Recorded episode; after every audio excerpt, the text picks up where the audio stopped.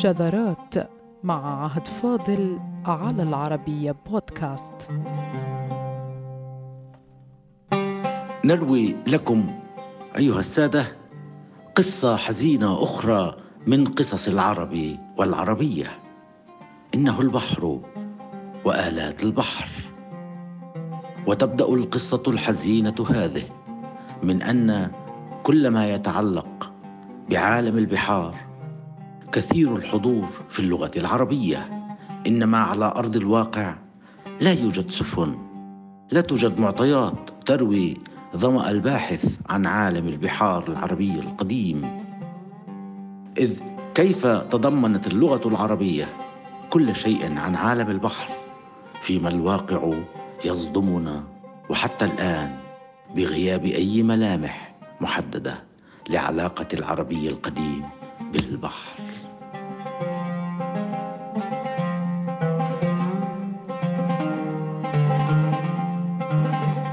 حزينة من خفايا العرب والعربية. فقيل إن العربي الجاهلي يهاب البحر ويخافه. كذا قرار من الإخباريين والباحثين بأن الجاهلي يخاف البحر. كما لو أن الشعوب الأخرى لا تخاف هذا العالم المظلم المرعب الغامض الحافل بالأساطير والأسرار.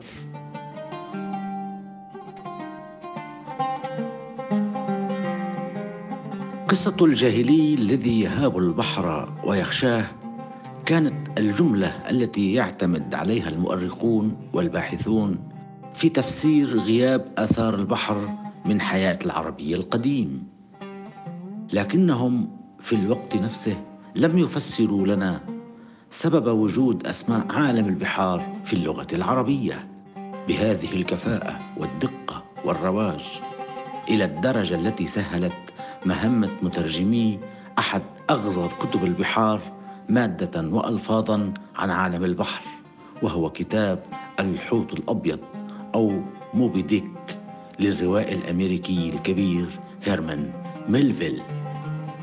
إذ فجأة تمكن مترجمو الكتاب المشهور والذي يعد من أهم كتب البشرية في الأدب قاطبة من نقل غالبية مفرداته في عالم البحار إلى العربية الفصحى بسلاسة.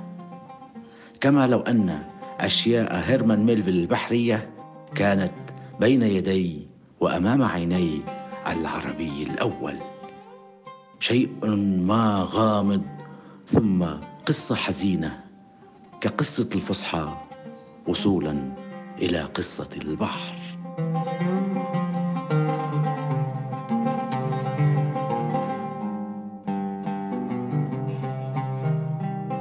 والبحر أيها السادة كثيف الحضور في اللغة العربية ومن زمن الجاهلية.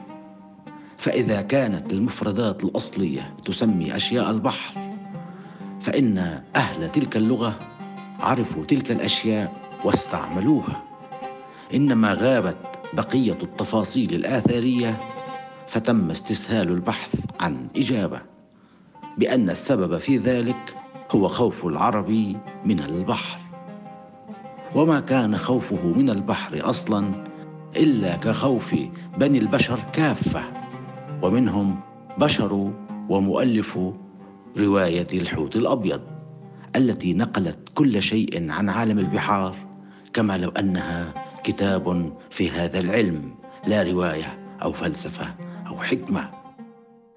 وكما لم نعثر للفصحى آثاريا عن نصوص سوى القليل جدا فكذلك حال البحر والإثنان الفصحى والبحر محفوظان في اللغة العربية.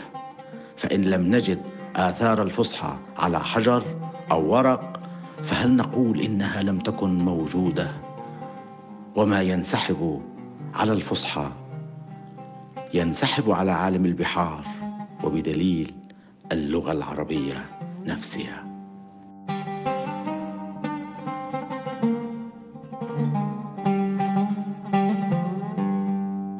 لقد كان لعرب الجنوب الدور البارز والموثق في عالم البحار. إنما ذهب هذا كله في وقت ما من القرن السادس الميلادي عندما هيمن الفرس على التجارة العربية في الخليج العربي واستولوا على اليمن وحكموه وما إلى ذلك. لكن العربية حافظت على عالم البحار من الضياع الذي طال الصناعة نفسها. فبتنا نعرف أنواع السفن وأسماء الصناعات وأسماء الآلات وأسماء العمال وما إلى ذلك. فالشرم نوع من القطع الجزئي أو الجانبي في العربية.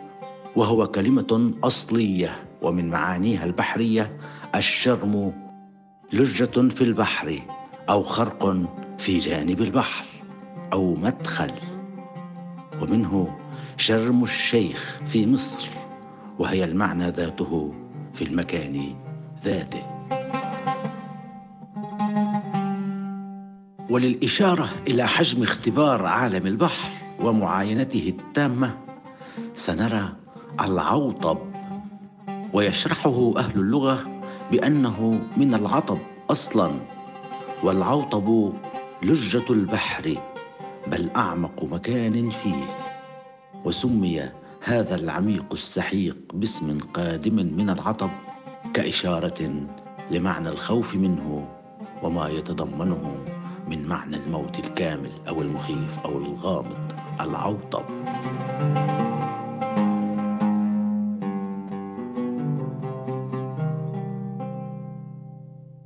وعلى مثل ما سبق الخور من أسماء عالم البحار العربية والخور يأخذ معنى الخليج ومعنى مصب الماء في البحر وتشير إليه معجمات العربية بعنق من البحر يدخل في الأرض.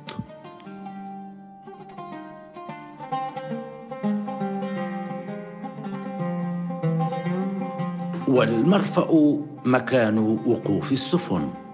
وكان يقال أرفأت السفينة نفسها إذا ما اقتربت من الأرض أو من اليابسة.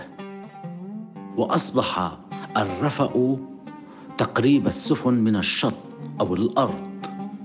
والأصل في ذلك أن الرفأ الضم والجمع فيقال رفأ الثوب. أي ضم بعضه إلى بعض. وهو ما يحصل عندما ترفأ السفينة تلو الأخرى في المرفأ فيقال السفينة المرفأة. وفي أصل الأصل فالرفأ والرفو يدلان على سكون وملائمة.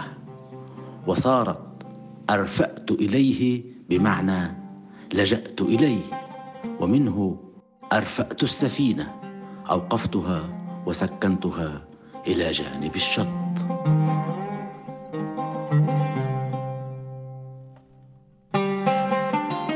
أما الميناء فهو كل مرسى للسفن ويرجح بعض أهل اللغة بأن أصله في مينا مقصورا وأنه جاء من الوني أي الفتور الذي نستعمل منه الآن لا يتوانى أي لا يحجم أو لا يفتر أو يمتنع عن فعل شيء.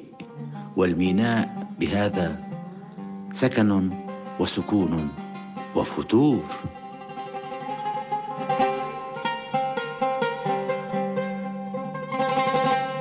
والدسار خيط من ليف تشد به ألواح السفينة وجمعها دسر وهي تدفع الماء دفعا عن خشب السفينة. والدسر في أصل اللغة العربية الدفع الشديد فيقال دسره البحر أي لفظه خارجا ورماه. ومن هنا قام العربي القديم بتسمية الجمل الضخم القوي بالدوسري وأصبح كل قوي من الإبل دوسريا تؤكد معجمات العربية حتى صار في بعضها الدسر السفينة نفسها.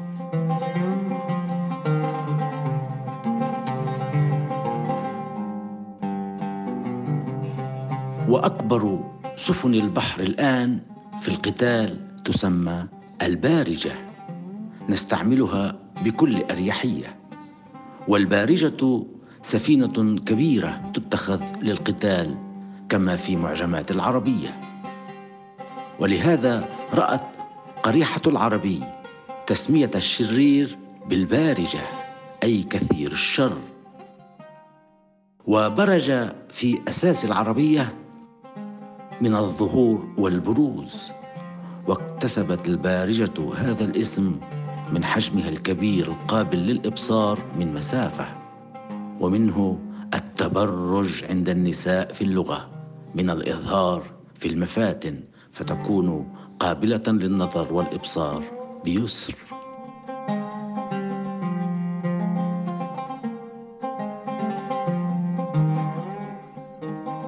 ومن الكلمات التي أطلقتها العرب ولم نعد نستعملها في هذا الموضع على نوعية من السفن الخلية وهي نوع من السفن العظيمة التي تسير وخلفها مركب صغير كما كان يستعمل تعبير الخلية في الناقة التي تعطف غريزتها على ولد ليس لها يتبعها.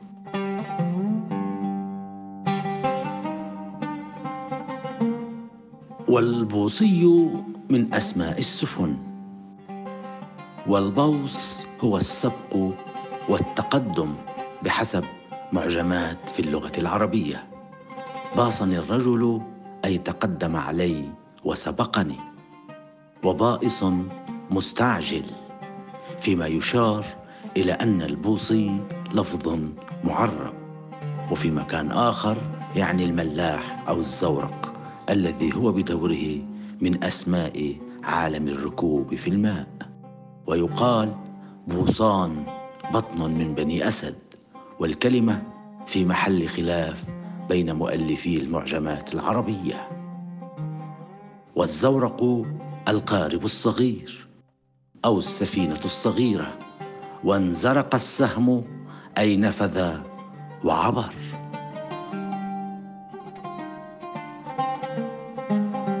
والقارب من السفن الصغيرة يرجح صاحب مقاييس اللغة بأن السفينة الصغيرة سميت بالقارب لقربها من أصحاب السفن البحرية فتحمل حوائج من فيها. وشراع السفينة من الانفتاح والامتداد والعلو. ومن أسماء آلة السفينة إحدى أقدم مفردات اللغة العربية الدقل ويقال دقل السفينة وهو سهمها. في معنى وهو خشبة تشد في وسط السفينة في معنى آخر.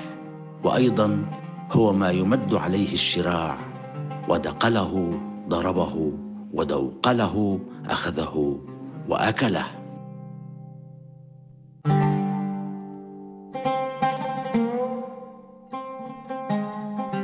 لكن الصاري هو المعول عليه لفرد الشراع بحسب معجمات أخرى ويكون في وسط السفينة ويجمع على صوار وصر الرجل أي أنقذه ونجاه وصراه الله أي وقاه وحماه أي دفع عنه الشر وصر الماء إذا جمعه وفي كل ذلك يأتي الصاري لينصب عليه الشراع حتى إن الصاري صار من أسماء الملاح لأنه يقوم بحفظ سفينته من الأخطار.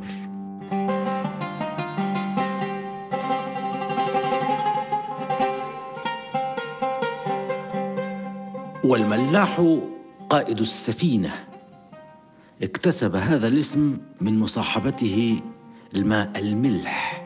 تقول معجمات في اللغة العربية. وورد في بعضها أن الملاح جاء اسمه من الملاح أي الريح التي تجري بها السفن وبها سمي الملاح ملاحا.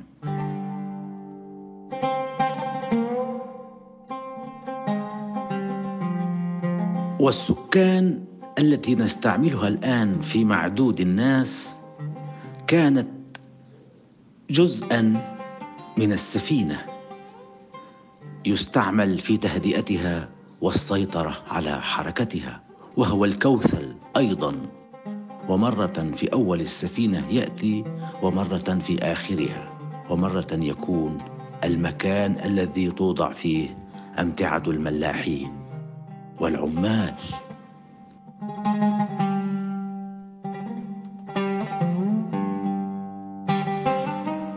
ولعدم الإطالة أيها السادة فإن كل أجزاء السفينة وصناعتها لا تزال تمخر عباب اللغة العربية. فكيف للعربي أن يهاب ويخشى البحر؟ وقد اجترح جميع مفردات عالمه. وكان إذا أراد أحد أن يقرأ كتاب سيبويه إمام النحو يقال له هل ركبت البحر بلى لقد ركب العربي البحر وصنع أدوات ركوبه. ومثلما غابت أصول العربية غابت أيضا أصول اختراق البحر. إنما حفظ الكلام ما عجز الواقع عن حفظه. ولهذا أيها السادة علينا أن نصدق تفاخر هذا العربي الجاهلي بقدرته على ملء البحر بالسفن وهو عمرو بن كلثوم شاعر بني تغلب في الجاهلية وفي معلقته الشهيرة حيث قال ملانا البر حتى ضاق عنا وظهر البحر نملأه سفينه حقا علينا أن نصدق ما قاله هذا العربي الجاهلي. فاللغة العربية تؤكد كل ذلك وبجميع معجماتها.